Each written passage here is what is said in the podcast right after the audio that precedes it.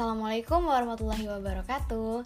Halo teman-teman sekalian Kenalin, saya Aisyah Arasyada Biasa dipanggil Aisyah Seorang mahasiswi analis kesehatan Program studi D3 Sekarang saya masih duduk di semester 5 Nah, kalau di Badan Eksekutif Mahasiswa Saya menjabat sebagai Menteri Komunikasi dan Informasi Kabinet Totalitas Pergerakan tahun 2019 Nah, pada kesempatan kali ini, saya mau sharing ke teman-teman sekalian soal serba-serbi dari Kementerian Komunikasi dan Informasi.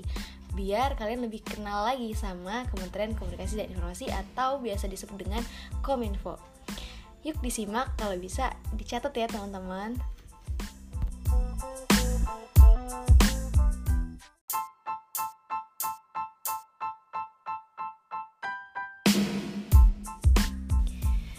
Jadi langsung aja ke pengertian dari Kominfo itu sendiri. Nah, sesuai dengan namanya, Kominfo, uh, Kementerian Komunikasi dan Informasi. Berarti dapat ditarik garis bahwa Kominfo itu adalah kementerian yang bertanggung jawab atas terjadinya komunikasi dan penyebaran informasi di lingkungan Poltekkes. Jadi kurang lebih Kominfo itu sebagai garda terdepan dari BMKM untuk menyalurkan informasi baik dari internal maupun eksternal kepada mahasiswa mahasiswi Poltekkes. Seperti itu. Nah, apa sih Kak fungsi dari Kementerian Komunikasi dan Informasi ini? Yang pertama, fungsinya secara umum adalah yang saya tadi bilang, membagikan informasi di lingkungan KM Poltekkes Palembang dengan koordinasi langsung bersama seluruh kementerian. Jadi ada tambahan koordinasi langsung bersama dengan seluruh kementerian. Jadi kan kementerian yang ada di BMKM ini kan ada 8 ya. Jadi ada tujuh kementerian lain yang uh, berperan di dalam BMKM ini. Nah, tentunya tujuh kementerian ini uh, mempunyai peran untuk membagikan informasi terkait dengan tugas mereka gitu loh. Contohnya misalkan Kementerian Sosial yang bergerak di bidang sosial, mereka ingin melakukan kegiatan galang dana uh, terkait bencana alam yang terjadi. Nah, fungsinya Kominfo adalah menyebarkan informasi tersebut agar sampai kepada mahasiswa-mahasiswi Poltekkes.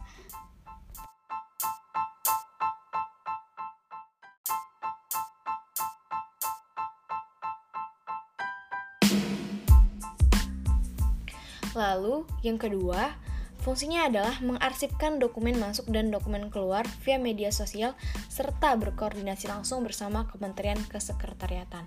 Jadi, teman-teman di zaman milenial ini, surat masuk dan surat keluar itu nggak cuman surat yang udah berbentuk hard copy ya, pasti udah kita udah kenal banget sama yang namanya email dan lain-lain itu dan perlu banget diarsipkan gitu sebagai um, bukti dokumen-dokumen penting. Nah, itu fungsinya dari Kominfo yang megang email BEM tentunya bakal berkoordinasi langsung dengan Kementerian Kesekretariatan biar dokumen pentingnya tetap rapih dan aman. Lalu yang ketiga adalah mempublikasikan kegiatan BMKM Poltekkes Kemenkes Palembang. Jadi uh, fungsi dari Kominfo ini juga adalah untuk mempublikasikan apa aja sih yang udah uh, dikerjakan oleh BEM, apa aja terobosan terbaru dari BEM, apa aja program kerja yang bakal dilakukan oleh BEM gitu loh kurang lebih seperti itu. Jadi segala publikasi itu adalah tanggung jawab dari Kominfo. Yang keempat adalah mengelola media online BMKM nah uh, Kominfo di sini fungsinya adalah sebagai admin gitu yang biasa kalian sebut min min min gitu kan. Sebagai admin dari uh, media-media sosial yang dimiliki oleh BMKM. Antara lain media sosialnya ada Line Ad, terus ada YouTube, ada websitenya, ada juga Twitter, ada Instagram dan ada Gmail. Untuk keperluan yang bersifat formal itu biasanya melalui Gmail ya atau Line Ad. Sedangkan untuk yang bersifat non formal biasanya uh, ada YouTube, ada Twitter dan juga ada Instagram. Tapi yang paling masif itu Instagram sih penyebaran informasinya karena zaman sekarang ini Instagram itu kayak punya um, apa ya peran penting banget gitu loh untuk menyalurkan informasi gitu karena atensinya yang lebih banyak daripada media sosial yang lain. Untuk fungsi yang kelima adalah bertanggung jawab kepada presiden mahasiswa. Jadi uh, pastinya seluruh kementerian itu harus bertanggung jawab atas tugasnya kepada presiden mahasiswa sebagai pemimpin mereka. Nah, itu adalah fungsi dari Kementerian Komunikasi dan Informasi secara umum. Nah, kalau kalian mungkin bertanya, um, Kira-kira ada departemen gak ya kak di dalam Kominfo ini? Tentunya ada karena biar fungsinya semakin jelas gitu loh.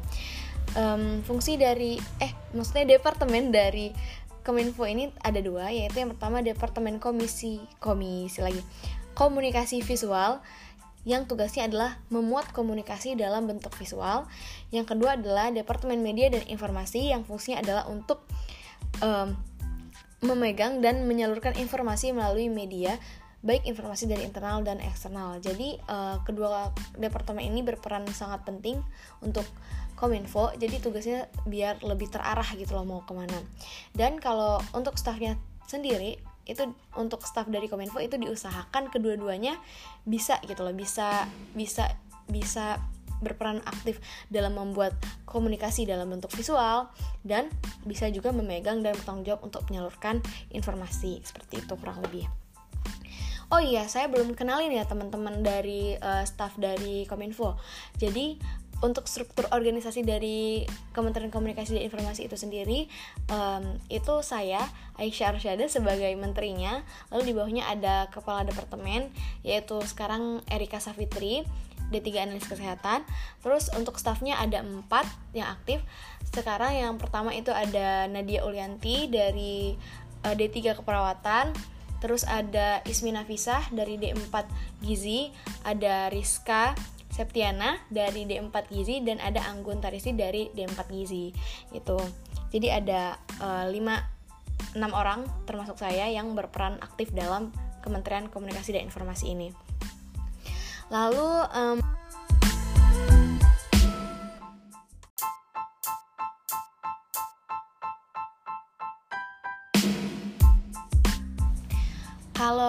program kerjanya Kominfo ini apa aja sih kak? gimana sih kak kerjanya gitu pertanyaan yang mungkin muncul ya di benak kalian jadi saya mau disclaimer dulu memang program kerja atau proker dari Kementerian Komunikasi dan Informasi ini sifatnya itu adalah skala kecil. Jadi um, sifatnya itu kementerian murni yang yang bekerja. Beda dengan misalkan Kementerian PSDM yang salah satu prokernya contoh adalah PKKMB. Jadi di PKKMB itu mereka mengajak masa, mereka mengajak anggota dari kementerian lain untuk menjadi panitia. Beda dengan Kementerian Komunikasi dan Informasi yang hanya yang berperan di dalam program kerjanya itu adalah anggota-anggotanya itu sendiri. Seperti itu. Jadi program kerjanya saya sebutin aja. Yang pertama Secret Staff Design itu pembuatan apa? Desain untuk visi dan misi, struktur struktur organisasi yang ditempel di dalam secret, makanya disebut Secret Staff Design. Terus ada logo kabinet, desain baju kerja yang sudah terlaksana, desain ID card sudah terlaksana. Lalu bulletin online. Jadi bulletin online ini semacam bulletin yang bisa kalian akses secara online. Kemarin juga sudah dirilis volume satunya uh, itu mengenai SKKM, Satuan Kredit Kegiatan Mahasiswa. Boleh kalian baca. Bisa uh, di scroll ke in, di Instagram BMKM. Terus ada kotak saran digital dan ada petikan kalimat hari ini atau PKHI atau istilahnya quotes of the day yang biasanya dilakukan setelah rapat usai. Jadi untuk membangkitkan untuk memotivasi teman-teman sekalian yang habis rapat kita pakai petikan kalimat hari ini dan di post di snapgram dari BMKM itu sendiri. Nah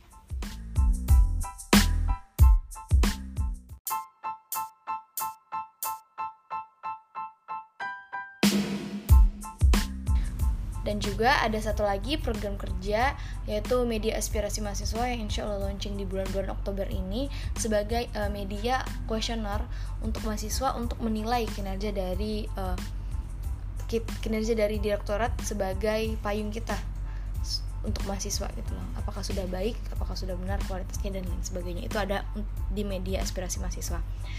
Terus um, sebenarnya uh, program kerja yang sudah saya sebutin tadi itu hanyalah sebagian kecil ya dari uh, kerjaan dari Kominfo itu sendiri. Karena kerjaan Kominfo itu bersifat kontinu gitu loh nggak stop prokernya. Nggak nggak cuman kayak proker ini selesai tutup gitu enggak jadi fungsi dari Kominfo itu kontinuitasnya ada. Jadi media sosial itu harus tetap berjalan peringatan hari besar harus tetap berjalan pembuatan poster terus berjalan gitu loh pembuatan video juga. Jadi sifatnya kontinu gitu loh jadi tugas dari Kominfo ini tidak bisa disepelekan ya teman-teman.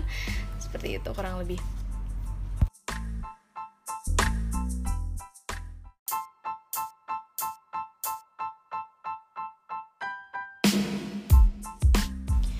Nah, kenapa sih uh, Kementerian Komunikasi dan Informasi itu dibutuhkan sama BMKM. Selain dari fungsi yang sudah saya sebutkan saya mau mau ngasih uh, pencerdasan buat teman-teman sekalian bahwa uh, di masa 2019 ini itu biasa disebut dengan masanya information explosion. Jadi ada ledakan informasi gitu loh sampai ada riset yang menyatakan bahwa informasi yang diproduksi dalam dua hari di di tahun 2019 itu adalah setara dengan informasi yang didapatkan dari zaman Nabi Adam ke tahun 2013 bayangin betapa susahnya orang dapetin informasi dari zaman dulu tapi di zaman 2019 ini informasi itu sangat mudah didapat. Itulah dari itu adalah good newsnya dari information explosion itu. Mudahnya mencari informasi. Sangat sangat amat mudah. Tinggal klik cari di Google dapet gitu. Tapi ada bad newsnya. Bad newsnya apa kak? Yaitu yang pertama adalah susahnya mencari perhatian dari audiens yang kita tuju. Jadi informasi-informasi itu saling distract satu sama lain gitu loh. Jadi informasi itu saling berebut audiens gitu loh. Nah itulah yang menyebabkan attention span dari orang-orang itu tuh menurun. Jadi orang-orang itu kayak cuman nyari informasi itu berdasarkan apa yang menarik perhatian dia gitu loh. Bahkan riset lagi di tahun 2016-2017 attention span-nya anak-anak zaman sekarang itu cuma 8,0 detik. Jadi 8,0 detik kalau nggak menarik perhatian dia langsung uh, dia langsung uh, buy gitu langsung skip. Bahkan attention speednya ikan mas yang ada di akuarium itu lebih besar satu detik. Jadi attention speednya ikan mas itu 9 detik gitu loh itu yang mungkin kalian bisa sadarin dari orang yang kalau nge-scroll uh, Instagram feeds gitu ya dia uh, nge-scroll tuh cepet banget jempolnya main ser-ser gitu loh. Dia cuma cari uh, konten yang menurut dia menarik gitu loh. Hanya mau mencerna informasi yang catching gitu loh. Jadi seperti itu kurang lebih. Dan ini juga menimbulkan generasi-generasi yang gak sabaran dan gak fokus gitu loh.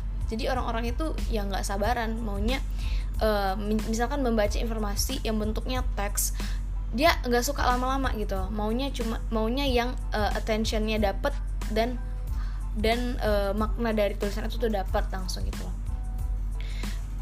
Jadi uh, kesimpulannya uh, explosion information itu menimbulkan sifat males baca yang meningkat gitu loh. Males bacanya orang-orang itu semakin meningkat.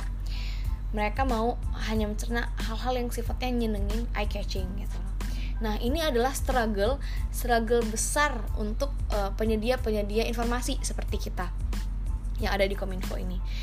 Dan itulah tadi fungsi yang kom kom komisi visual tadi adalah komunikasi visual tadi maksud saya adalah untuk membentuk komunikasi dalam bentuk visual biar eh, orang-orang uh, itu lebih tertarik dan uh, mencernanya dapat gitu loh jadi kurang lebih seperti itu. Dan tentunya untuk uh, jadi orang-orang yang berperan dalam pembuatan komunikasi visual itu butuh trial and error butuh uh, skill yang harus diasah terus gitu loh. Nggak mudah gitu loh.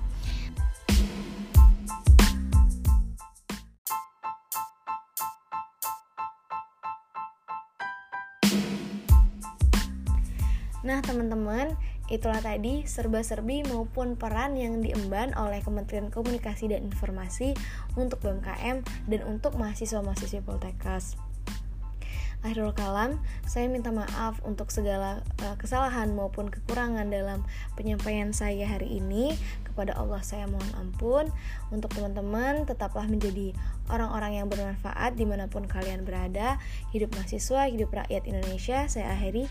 Wassalamualaikum warahmatullahi wabarakatuh.